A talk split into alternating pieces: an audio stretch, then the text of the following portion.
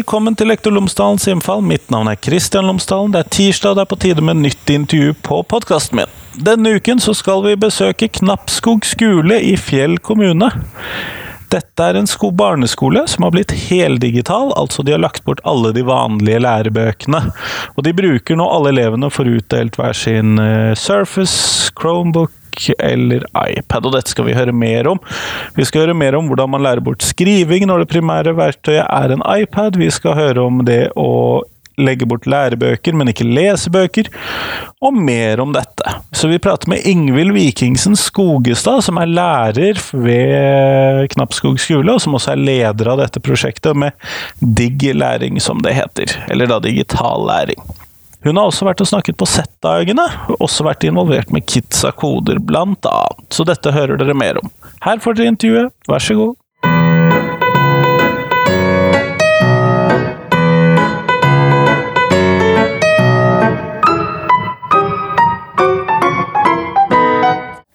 Ingvild Vikingsen Skogestad, tusen takk for at jeg har fått lov til å komme og besøke deg her på Knappskog skole.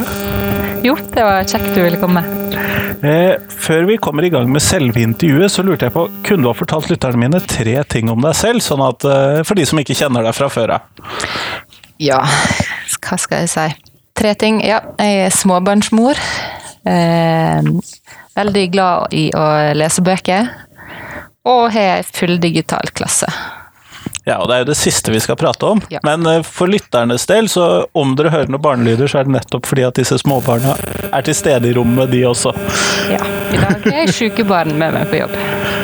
Det skjer jo med alle, sånn at eh, det får vi overleve. Men det er nettopp denne heldigitale eh, undervisningen som vi skal snakke om. Ja. Fordi at jeg oppdaget her et eh, intervju i BT hvor, eh, hvor, hvor nettopp det at Knappskog skole nå hadde gått bort ifra lærebøker, blant annet, var et av temaene. Det stemmer. Eh, så har dere tatt bort bøkene helt? Hva skal vi si? Eller forbundet med Begynne fra begynnelsen? Begynne fra begynnelsen, eller begynne Ja. med Vi har egentlig tatt vekk bøkene helt, men en viktig ting er at vi har beholdt leseboka. Vi har, be- eh, elevene mine og alle andre på skolen har fortsatt leselekser i lesebok, og den syns vi er viktig å beholde. Og, samt, og så har vi også et bra bibliotek på skolen, sånn at vi leser Ja, det så jeg når jeg ja. kom inn. Ja, sånn at vi leser i bøker, og vi har lesekvart i bøker hver dag. Og målet mitt er jo at elevene skal bli glad i å lese bøker, men at de ikke nødvendigvis trenger å bli glad i, i læreboka. Eh, og så er det jo det med eh, lærebok, at jeg er gått vekk fra læreboka nå. Men målet på, til skolen er jo ikke at vi skal være helt lærebokfri, men at vi skal være fri fra læreboka. Altså at vi til enhver tid skal velge de verktøyene som er best for å oppnå de målene vi vil at elevene våre skal lære. Kanskje litt lettere å løsrive seg fra læreboka hvis man ikke bruker den så ofte sånn. Ja, og det er jo Jeg har jo hatt en prosess sjøl der jeg det nå er på tredje året, og det første året så brukte vi litt eh, digitale lærebøker. Og eh, via i fjor der jeg nesten ikke brukte noe, til nå når jeg ikke bruker i det hele tatt. Og i starten så var jeg veldig skeptisk til å gå vekk fra bøkene, fordi at jeg er som sagt glad i bøker og tenkte at vi måtte jo ha denne her læreboka. Men etter hvert så har jeg sett at vi trenger jo ikke nødvendigvis boka. Det er selvfølgelig en fordel å ha tekster som er tilpassa den aldersgruppa som skal lese den. Men lærebøkene i seg sjøl er jo ikke gode. Og de lese- og lærestrategiene vi prøver å lære våre elever, de fungerer jo ikke i lærebøkene. Sånn at jeg vil heller at de skal ha tekster eller lese tekster der de kan bruke lesestrategier og lærestrategier, og de må de ofte finne andre plasser. Sånn uansett, liksom. Ja, og, men jeg har jo lærebøker i klasserommet opp, som oppslagsverk.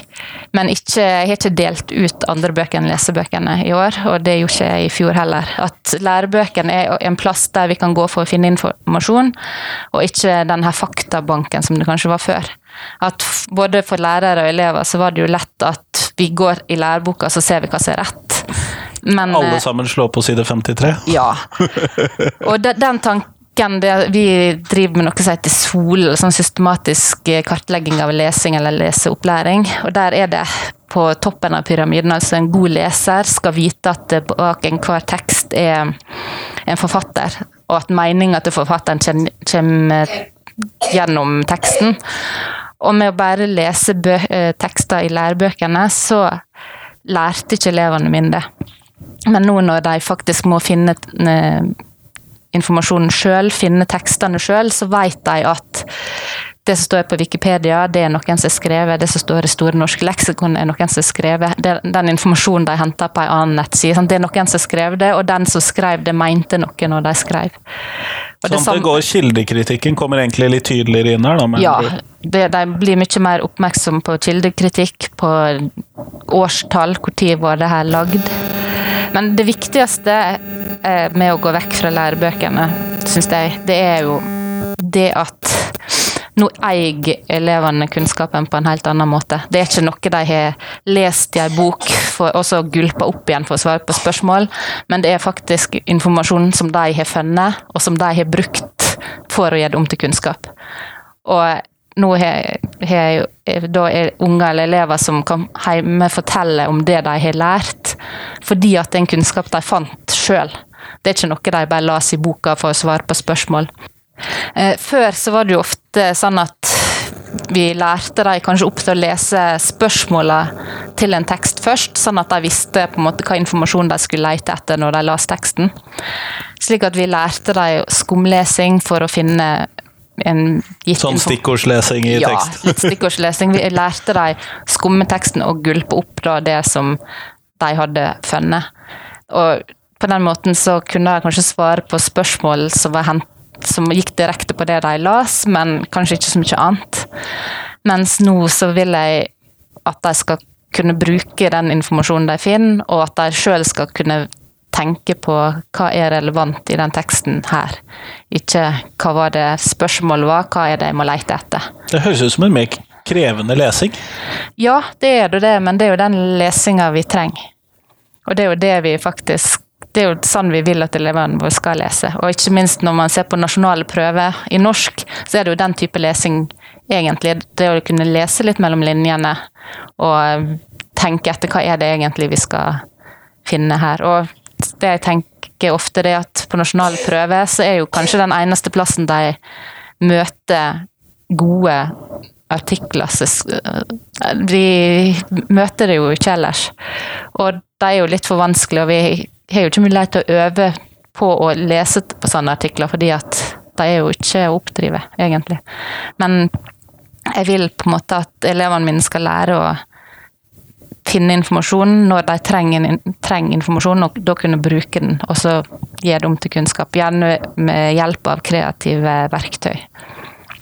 Så liksom, Vi bruker det som et kreaser, der de kan lage tegnefilmer eller tankekartpresentasjoner. Så vi jobber veldig mye med prosjekt, rett og slett.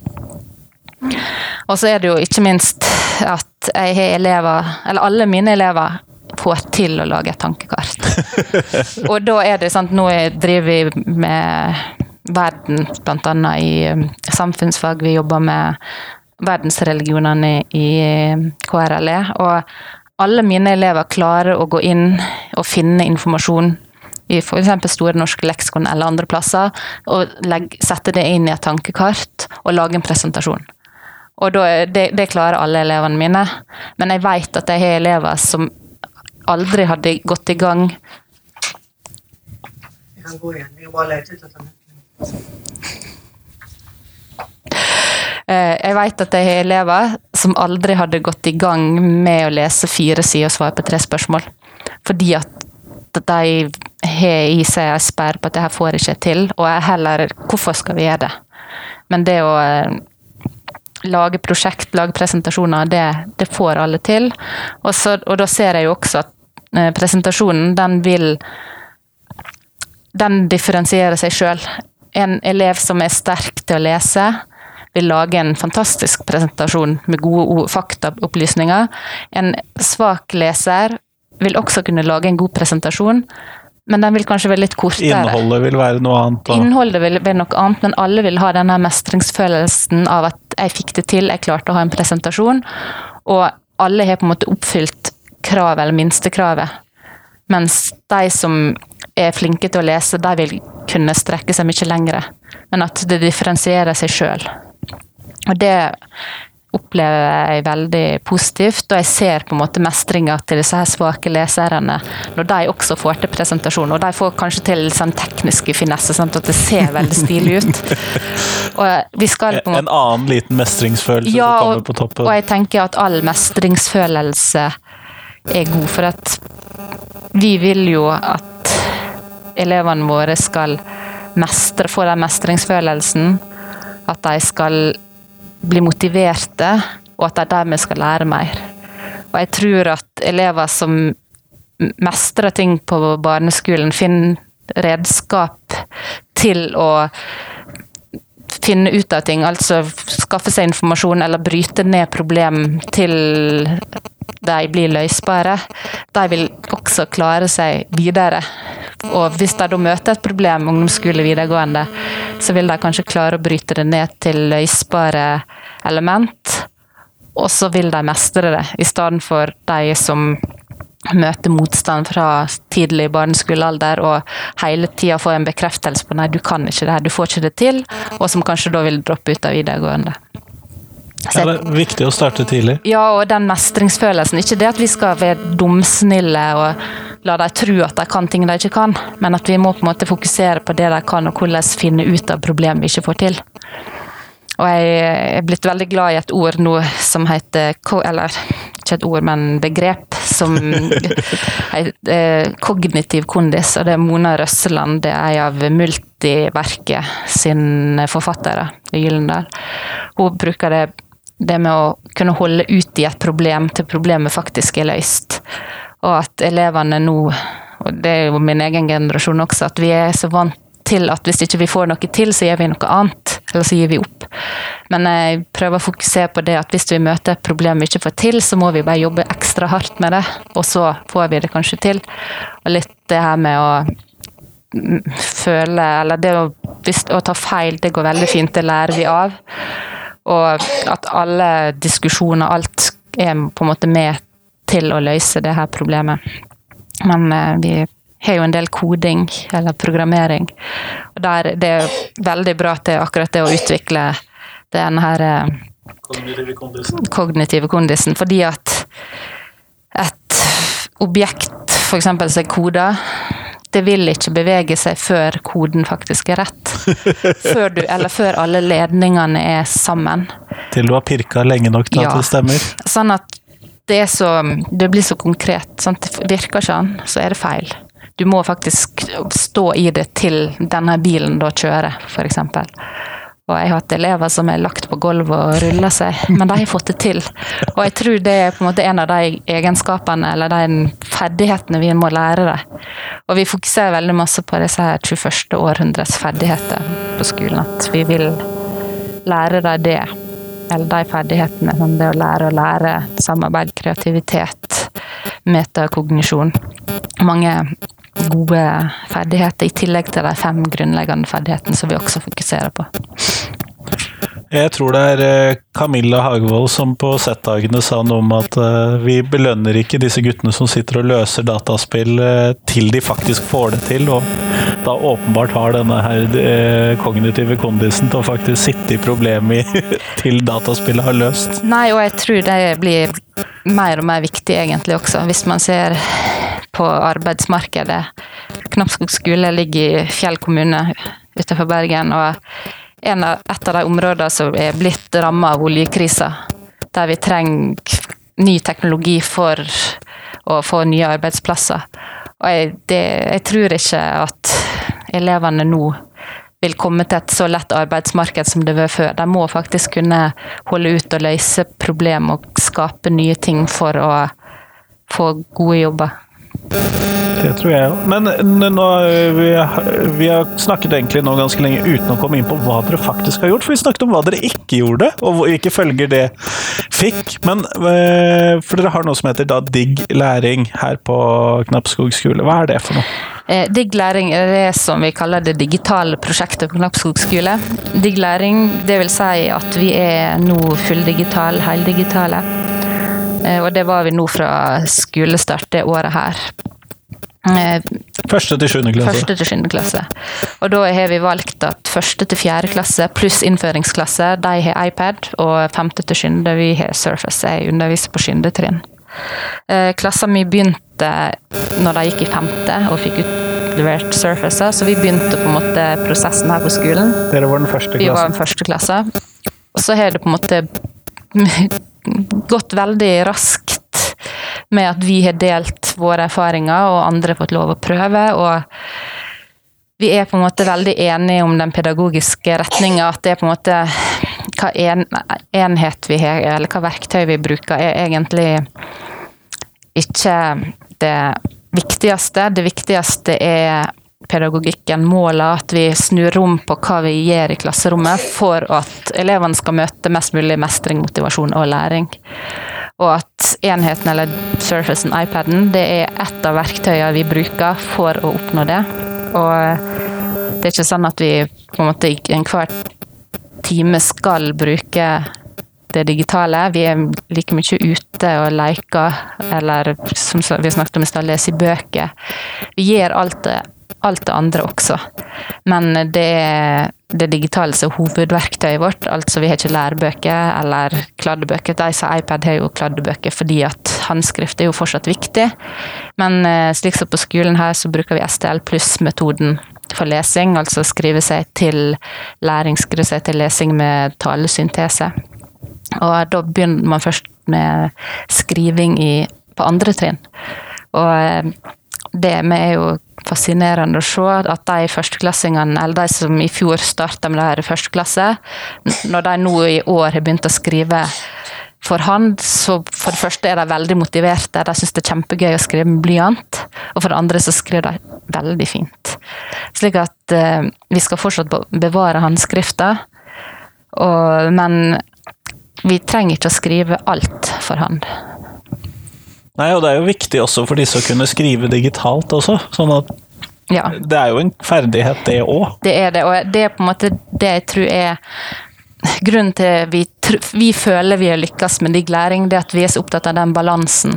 At alt skal være en balanse. Vi, skal, vi skal ikke bare jobbe digitalt, men vi skal ikke bare jobbe med bøker heller. Vi skal ikke bare skrive for hånd, men vi skal heller ikke bare skrive på tastatur. Men at det å hele tida ha en balanse på hva vi gjør, og slik som på småtrinn er de veldig bevisst på det at 20 minutter styring på skjerm om gangen, det er nok, så må vi kanskje gjøre noe annet. Og det vi opplever nå, det er jo at det er vi lærere som må ta pausene. Det er vi som må styre elevene til å gjøre noe annet, fordi at elevene kan sitte ganske lenge foran en skjerm. Men nå er det vi som må finne på de her gøye aktivitetene. Før var det kanskje elevene som begynte å mase at de kjeder seg. Nå er det vi lærere som Kjeder oss litt. det er på en måte begrensa hvor mange ganger du kan gå rundt og ta av et headset og så spørre om de trenger hjelp.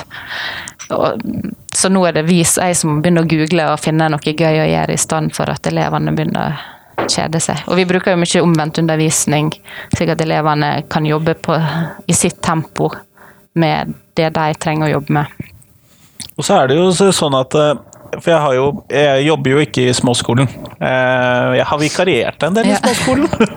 Ja. Og det min erfaring var i hvert fall at eh, de fleste oppleggene der var uansett sånn 15-20 minutters opplegg som Man byttet stort sett etter 15-20 Mm. minutter allikevel, fordi at eh, så, lang, så lang tid eh, var barna innstilt på, eller lærerne innstilt på allikevel.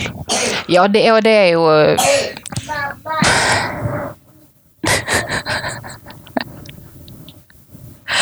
Eh, ja, og det er jo litt sånn jeg hadde en elev som starta i klassen min nå i høst, og eh, når jeg da snak, hadde samtale med mor, så mente hun jo det at før så hadde jo Linnea må være stille. Før hadde barnet sittet mer med øynene i boka enn hun nå satt med øynene i skjermen. At vi varierer kanskje enda mer når vi er digitale enn hva vi gjorde før. Fordi at Kanskje mest fordi at vi tenker alternativt i alle opplegg. At vi, det er ikke sånn at vi er nødt til å bli ferdig med alt i boka, for vi har ikke den boka som presser oss. Det er kompetansemåla som er det som styrer hva vi gjør, ikke hva en lærebokforfatter mente vi burde gjort. Og som da mest sannsynlig også har sikret seg litt sånn i alle bauger og kanter, fordi at noen lærere vil ha med det, og noen Ja. vil At nå velger vi litt sjøl, og, vi kan- og det er jo litt sånn som vi snakket om det med lærebok, om vi alle har kasta ut læreboka. At det, vi må lov å ha individuelle forskjeller. At jeg har kasta ut læreboka. Men eh, her er jo lærere som bruker boka litt. Men det er ikke hovedverktøyet, og det er på en måte det som er det viktige. Det er én av verktøyene. det er ett av verktøyene. At vi, det er ikke sånn at vi første skoledag begynner på første side, og så skal vi ha kommet i mål til, til eh, skoleslutt. Sånn husker jeg i hvert fall barneskolen. Ja, det, jeg må huske at det var sånn, og det, det er jo sånn jeg har hatt det sjøl. Dessverre. Men eh, nå er det jo jeg sjøl som føler en sånn panikk om at vi må klare å komme gjennom alle måla, ikke at vi må komme gjennom boka. Men samtidig så opplever jeg at ting er jo mye mer effektivt nå. Fordi at de digitale verktøyene gjør læringa mer effektiv, mengdetrening er mer effektivt. Slik at vi får mer tid til de gøye tinga. Og vi får mer tid til alle de tinga som jeg før ikke tok meg tid til fordi at vi skulle jo gjennom boka. Og eh, på samme måte så har jeg jo mer en kontroll nå på at elevene mine faktisk kan det de skal, eller gjør det de skal. Sånn at før så hadde vi kanskje kapittelprøve eller veketester og sånn, og så så vi at de kan ikke det og de kan ikke det, men vi har ikke tid til å gjøre noe med det. Nå kan jeg heller ta det underveis at når jeg en time ser at de sliter med et emne, så kan vi ta det. I stedet for at vi skal vente til kapittelet slutter slutt og så håpe det beste. Og så er ikke det gått så bra som vi ville. Nå kan jeg på en måte korrigere kursen hele veien. Og så kan vi ta ei ekstra veke hvis det, vi trenger det, eller vi kan ta ei veke mindre hvis Fordi du får tilbakemeldingen underveis, og ikke bare på slutten av temaet. Ja, jeg, jeg vet, jeg har aldri hatt så god kontroll, fordi at i det vi bruker OneNote som kladdebok på mellomtrinnet, og i det eleven har skrevet noe på sitt område, så får jeg jo det opp med meg. Og det, det er sånn at eh, innføringslekse til fredag kan jeg se på på torsdagskvelden. sant? jeg kan sitte og rette mens elevene skriver. Nå har jeg slutta å rette dem, for nå retter vi dem i lag, slik at vi kan få den matematiske samtalen samtidig. For at liksom muntlige ferdigheter er, er også mye enklere å fokusere på nå når vi er digitale.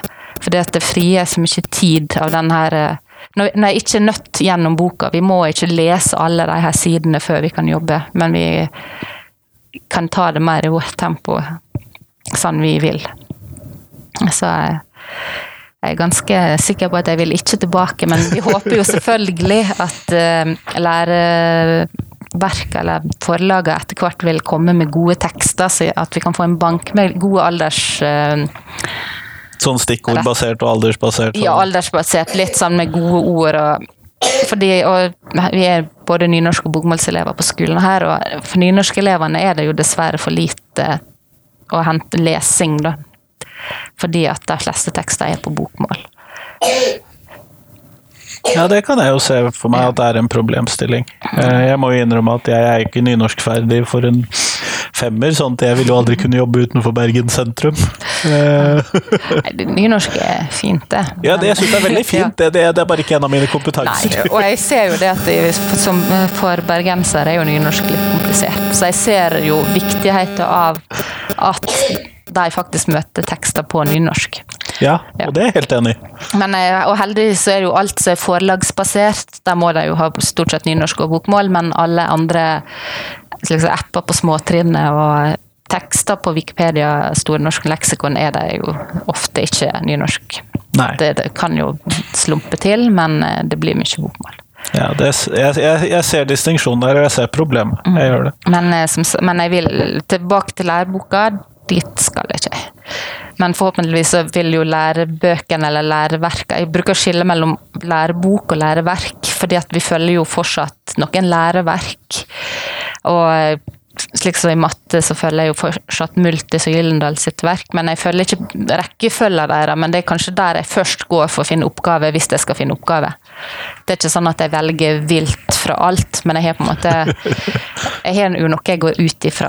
Ja, man har jo stort sett en prioritert rekkefølge ut Ja. hva man driver med. Så det er ikke en sånn eh, Så vi driver ikke skole etter vi går på, på nett og søker, og så finner vi noe som Prøv passer. lykken på Google. Nei, det er sant. Det der. Og det, den eh, fallgruva er jo der også. Men jeg tror vi har funnet balansen. At vi, det er ikke en sånn Vi setter oss til nett eller vi setter oss og prøver lykken. Vi har en plan bak det, og vi har verk vi fortsatt følger. Selv om vi ikke trenger å bruke alt som står der. Men så ser jeg jo også at for å kunne drive uten lærebok, så må du ha kompetanse i det faget du har. At skulle jeg hatt et av de fagene som jeg ikke har kompetanse på, så hadde jeg måttet være mye mer avhengig av bok. Sett meg i en engelsktime, sånn, så må jeg følge boka slavisk. Det, Det, det merker jeg veldig tydelig, at Ja. jeg har fått et av de fagene som jeg ikke har så god kompetanse i. Og det, så jeg ser på en måte, så lenge jeg har mine fag, så det, går det veldig fint. Men hadde jeg fått andre fag, og som allmennlærer, jeg er jo både allmennlærer og lektor. Sånn at eh, Da kan du få litt hva som helst. ja, og jobber man på barneskole, og her på Knappskog så er vi akkurat i overkant av 200 elever. Så da kan ikke vi ha faglærere. At du kan egentlig bli satt til hva som helst. Så um... Nei, jeg, ser det, det, jeg kan se at det er mer krevende, og det opplever jeg jo i egen. Det er meg. Men samtidig så er det jo fordelen på barnetrinn med at vi ikke er faglærere, at du har flere timer i samme klasse. At det er mye lettere å ha tverrfaglig opplegg. Og det syns jeg er veldig kjekt. Og det å, når vi skal finne, begynne et prosjekt i et fag, så bruker jeg jo å se på kompetansemålene i andre fag, om det er noe annet gøy vi kan trekke inn. Og det er jo Stort sett så er det jo det. det er det, og det, da er det så kjekt å ikke måtte følge ei bok, ikke følge noe. For at da, da snu, jeg snur jo på årsplanen min hele tida. Og så putta inn og slik, så I femte klasse så hadde vi et stort Minecraft-prosjekt. Så i matte så hadde vi jo noe som vi bare kalte for Minecraft-matte. Og det var jo kjekt bare fordi at det heter Minecraft-matte. Og det var jo sant, det var areal, omkrets og målestokk i hvert fall inni. Men Ja, men jeg ser at det kan funke i Minecraft. Ja, det klarer ja. jeg å forestille meg uten Det- å spille Minecraft selv. Ja, ja, det funker veldig godt. Men bare å kalle det for Minecraft-matte, så var det jo mye kjekkere enn at det heter areal og målestokk. sånn at det, det er ikke alltid så mye som skal til. Men jeg har trua på det å og litt når, nå når vi jobber digitalt, er at vi kan få det mer relevant. At vi jobber med det fordi at vi trenger det. Slik at i fjor i et mat- og helseprosjekt sant, så var det lett å dra inn både økonomi og bli oppdatert. Vi har matblogg som sjette trinn alltid har. Sånn at man, når man lager mat, så skriver man også om det på den matbloggen. Ja, for dere har mat og helse da i sjette trinn? Det ligger alltid på sjette trinn. Nettopp. Ja, og, og da på en måte den skri, relevante skriveoppgaver opp mot bloggen. Sant? At vi skriver fordi at det skal publiseres der. Vi skriver ikke fordi at læreren sa det. Og den relevansen er viktig for ungene. Hvorfor skal vi sant? Det er jo det spørsmålet man kanskje får oftest. Ja, men hvorfor skal vi lære det her? Hvorfor skal vi gjøre det her? Det Dette kunne- trenger vi jo aldri. Nei. Og da syns jeg det er sant, med å jobbe med litt tverrfaglig, så kommer fagene, de andre fagene også så naturlig inn at de skjønner jo hvorfor vi skal ha den matten her. Fordi at vi, vi trenger å vite målestokk, slik som i Minecraft, fordi at ja. Og de byggverkene, de eh, 3D-printer vi også. Eh, En av de tingene som skiller seg litt ut her på Knappskog skole, er jo det at dere har bl.a. koding som en del av skolehverdagen. Ja, alle klasser har koding én time i veka på timeplanen. Ja, For det er jo ikke et fag vi vanligvis ser i barneskolen. Nei, det kom Vi begynte egentlig helt tilfeldig med koding. Jeg er gift med matematiker. sånn at eh, det var en dag rett etter jeg eh, visste at vi skulle bli digitale, så leste jeg om koding på den lærerbloggen til han eh, Martin Johannessen. ja, Martin Johannessen. Og så spurte jeg han mannen min som satt i sofaen bortom om koding. Var det noe du kunne tenkt deg hatt når du gikk på skolen? Så han opp og så sa han ja, det hadde han. Så tenkte jeg ja, da gjør vi det.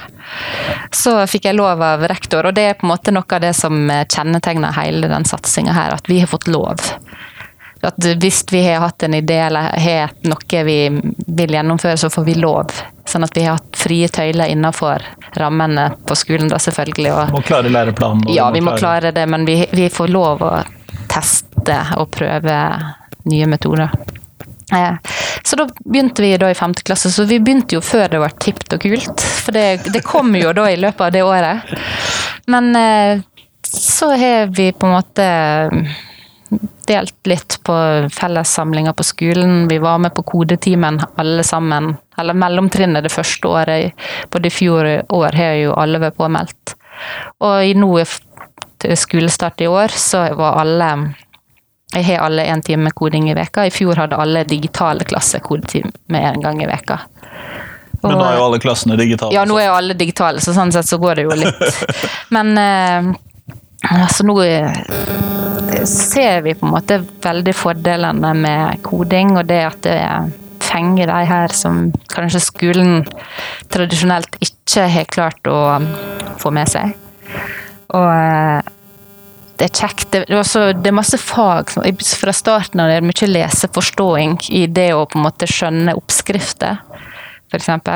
Og det er jo ja, for det lurte jeg litt på, hvordan man knytter dette opp til de eksisterende fagplanene. For det, det er ofte en utfordring. Ja, eller vi er brukte, eller vi lagde jo en kodeplan allerede første året, så jeg er inspirert av han Espen Klausen sin kodeplan. Og der er det jo mye som er både retta til den generelle delen på læreplanen, det skapende mennesket, og det er mange av disse mennesketypene som, som passer inn med koding. Ja, ja. Og, men også i naturfag, kunst og håndverk og um, norsk-engelsk. Og du kan jo også kode presentasjoner. Sant? At du kan jo egentlig få koding inn i alle fag. Og så er det jo masse matte og algoritmisk tankegang. Så vi har jo egentlig nå festa det til de fleste fagene. Men uh, vi holder jo på å utvikle skaperverksted, eller det som på engelsk heter Makerspace. fordi at når vi nå hadde koda i to år, så så jeg på elevene mine at vi måtte ta det litt lengre. Det var ikke nok at det skjedde noe på en skjerm, eller Jeg har jo koda med mikrobit, en sånn mikrokontroller. Og i begynnelsen så er det jo veldig gøy at når du rister på den, så lyser LED-lysa, eller du får smilefjes eller stein, saks, papir. Men nå var vi kommet til et stadie der vi måtte Som alt annet i skolen, så må ja, det være en utvikling? Det må være en utvikling. Og ikke minst når, når Mine begynte jo kode når de gikk i femte, men nå begynner de jo i første, så vi må på en måte ha en litt Ja, vi måtte utvikle planen vår videre, og da er det jo det med fysisk objekt, eller og programmerbar elektronikk. Så vi satte i gang i år med å kode eller lage biler, lodde og koble og bygge. Og kode biler. Så det holder vi på Så gøy. Ja, det er kjempegøy. Det er langt forbi min kompetanse, men det er veldig kjekt. Hvordan har du klart å finne da lærerressurser på Jeg, nei, jeg har jo fått min mann til å google litt. Men eh, det er, jeg har elever som er veldig flinke. Så her blir veien litt til mens man Veien blir veldig til mens vi går, og så er det noe med at å spille på elevene og på deres kompetanse, på deres grunnlag, det de syns er kjekt. Og så er det jo litt Jeg har jo merka at når Ofte hvis jeg går utenfor min komfortsone, så er, er det da det magiske skjer. På en måte. Det er jo da elevene virkelig får utvikle seg. Hvis vi skal vente til jeg kan noe, så er det kanskje for seint. Sånn at uh, vi går i gang med alt mulig uten at jeg kan det. Og når vi først begynte å kode, så lå jeg to leksjoner foran dem på det kode.org. Så jeg, jeg vet på en måte at jeg har leseforståelse nok, og jeg har algoritmisk tankegang, slik at jeg stort sett klarer å sette meg inn i det, det jeg må. Men eh, jeg har noen elever som jeg på en måte spiller på, og som eh, blomstrer veldig. Og vi har jo hatt veldig mange kjekke prosjekt. Og nå har vi også fått en del penger, så nå har vi fått kjøpt inn litt sånne programmerbare dingser til bruk ja, på småtrinn. bunker med droner, og det er uh, Ja, ja. Mindstorm, og det er uh, Ja, ganske mye forskjellig i Ja, det nå er det Ja, vi holder jo på å bygge opp en sånn skaper, et skaperverksted. Og foreløpig så står det lagra her inne på kontoret mitt, så nå har vi Ja, det er vel litt langt å skulle ta oss og sende dem inn til det Bergen offentlige bibliotek for å få et makerspace når de går i 7. Ja da, nei, så nå har vi både fått 3D-printere som vi skal koble opp på, på nyåret, og ja, vi har drone og sånn sferoballer og Mindstorms-lego. Og vi har bestilt en WeDo-lego, som er litt for de mindre. Og Microbit hadde vi jo en del fra før. Raspberry Pi har vi, Arduino. Også noen sånne bibotter til de minste, for det er jo kanskje det vi savner mest. Noe konkret til bruk for de aller minste, fordi at det er begrensa hvor lenge du kan sitte og kode på en skjerm. Eller det er det blir- Leseforståelsen og sånn mangler jo litt ofte i begynnelsen. Også. ja, og så er det på en måte Det er veldig kjekt når det du har gjort blir så konkret. At uh, små barn mangler jo litt den her uh, må tenke, abstrakte tankegangen. At det er mye lettere når de faktisk får teste det, og det, den går. Så vi ser fram til å uh, ja, prøve ut alt nå i, på nyåret. Biboten den har vært brukt denne veka til stor glede både i første og andre klasse. Ja, de ser jo ganske morsomme ut. Pluss at jeg hadde med, med hjem den, en av dagene jeg var hjemme med sykt barn.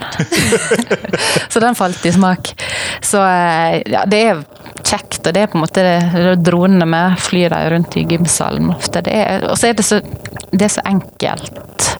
For veldig mye av det her er blokkbasert koding. Vi har jo beveget oss litt videre. På mikrobiten kan du jo både kode Java og annet. og um, Raspberry Pi Men sånn, det er ganske eh, enkel inngang. eh, Det er er lav dørterskel. Det er veldig lav dørterskel, og når jeg anbefaler jo alle å begynne på det kode eller code.org.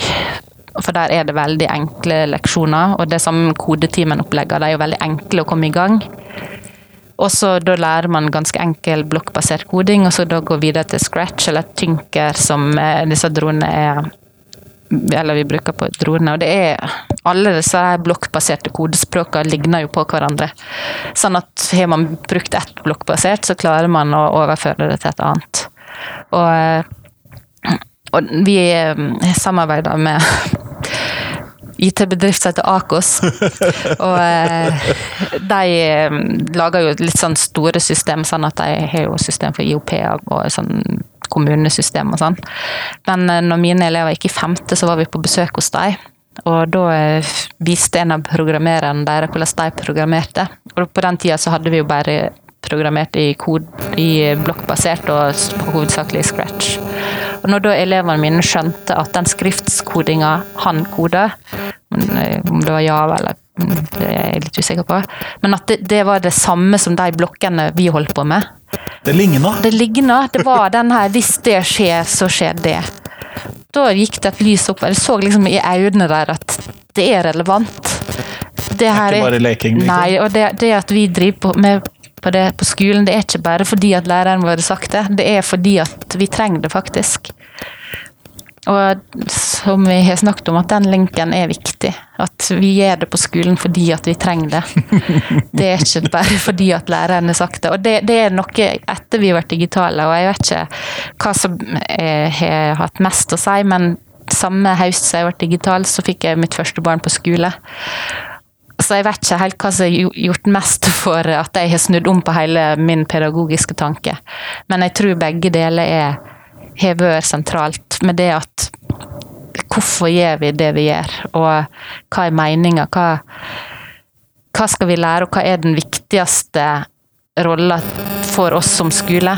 Sant? Vi skal skape, eller vi skal De elevene vi har, de skal fungere i samfunnet. Det er faktisk hovedoppgaven vår.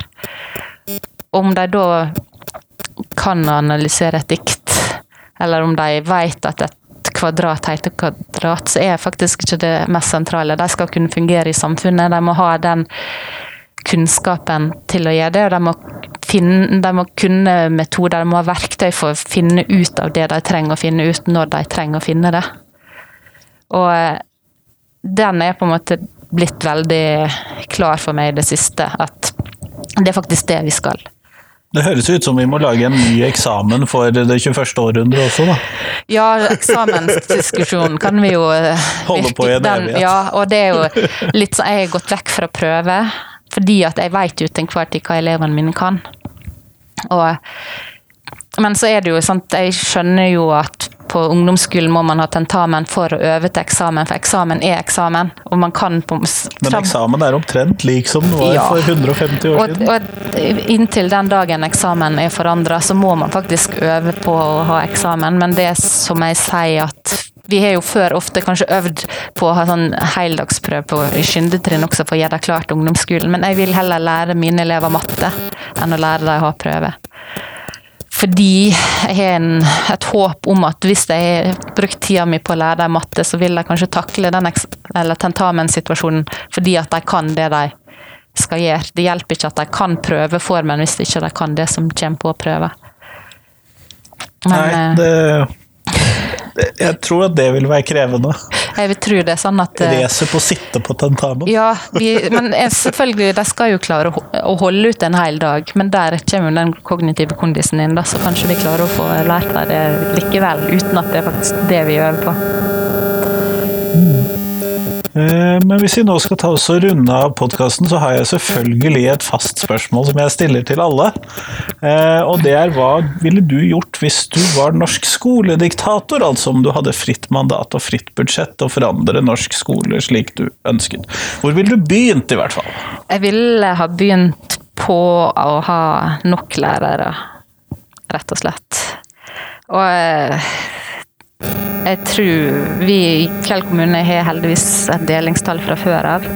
Sånn at her er det med 29 elever i klassen, så blir du delt. Så da er det to klasser. Og jeg overtok gjengen min på 28 elever. Nå er vi 29 og to klasser, og det er utrolig stor forskjell. En annen hverdag. Det er en helt annen hverdag både for eh, lærere og elever. Og ja, ja, om man ikke kan dokumentere at man blir bedre på tentamen enn eksamen med flere lærere, så tror jeg det har noe med hverdagen å gjøre uansett. På en måte at det er kanskje ikke resultater som skal bety alt her i verden. Men eh, jeg, jeg ville begynt der. Og så er det jo noe med sånt, Jeg burde jo sikkert sagt at alle skulle få ut nok utstyr og sånn, men jeg tror ikke på blind utdeling av digitalt utstyr. Fordi at det er noe med sånt, du kan ikke dele ut biler og tro at alle kan kjøre. Og det kanskje det, og det, er kanskje det som er skjedd på videregående. Sant? At alle lærere, alle, alle skulle plutselig få det, og så ligger det ingen tanke bak. At det er den tanken bak som er det viktigste. Og eh, jeg tror en sånn Vi prøver å skalere opp, og så får man prøve når man er klar. Men her på skolen så har det vært en suksessfaktor at lærere som har ville blitt digitale, har fått bli det.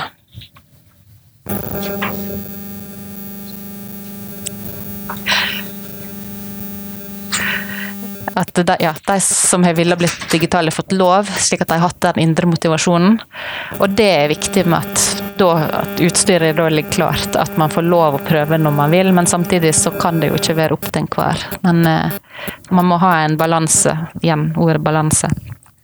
Balanse er viktig. Balanse er viktig i alt. Det er vel kanskje lærdommen fra dagens podkastepisode.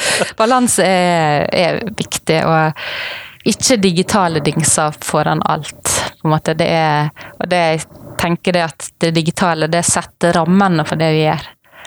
Men eh, det er ikke det viktigste. Det er på en måte pedagogikken som må være i hovedsetet, ikke dingsene.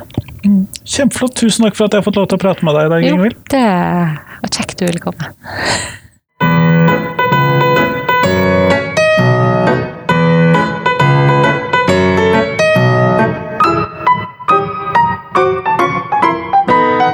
Tusen takk til Ingvild, og tusen takk til deg som hørte på. Nå er det en uke til neste gang vi høres igjen. Eh, Men eh, i mellomtiden så kan du kanskje ta og dele podkasten med noen du kjenner. Få skrive et, et eh, Det heter en anmeldelse på iTunes. Gi en stjernemarkering, eller kanskje til og med sende en episode til en venn, venninne, mor, far, datter, et eller annet. Av noe som de kunne være interessert i på podkasten min. Jeg vil jo at flest mulig skal få hørt podkasten, så jeg blir glad for alle som hjelper meg å spre podkasten. Men fram til neste gang, ha en god uke. Hei, hei.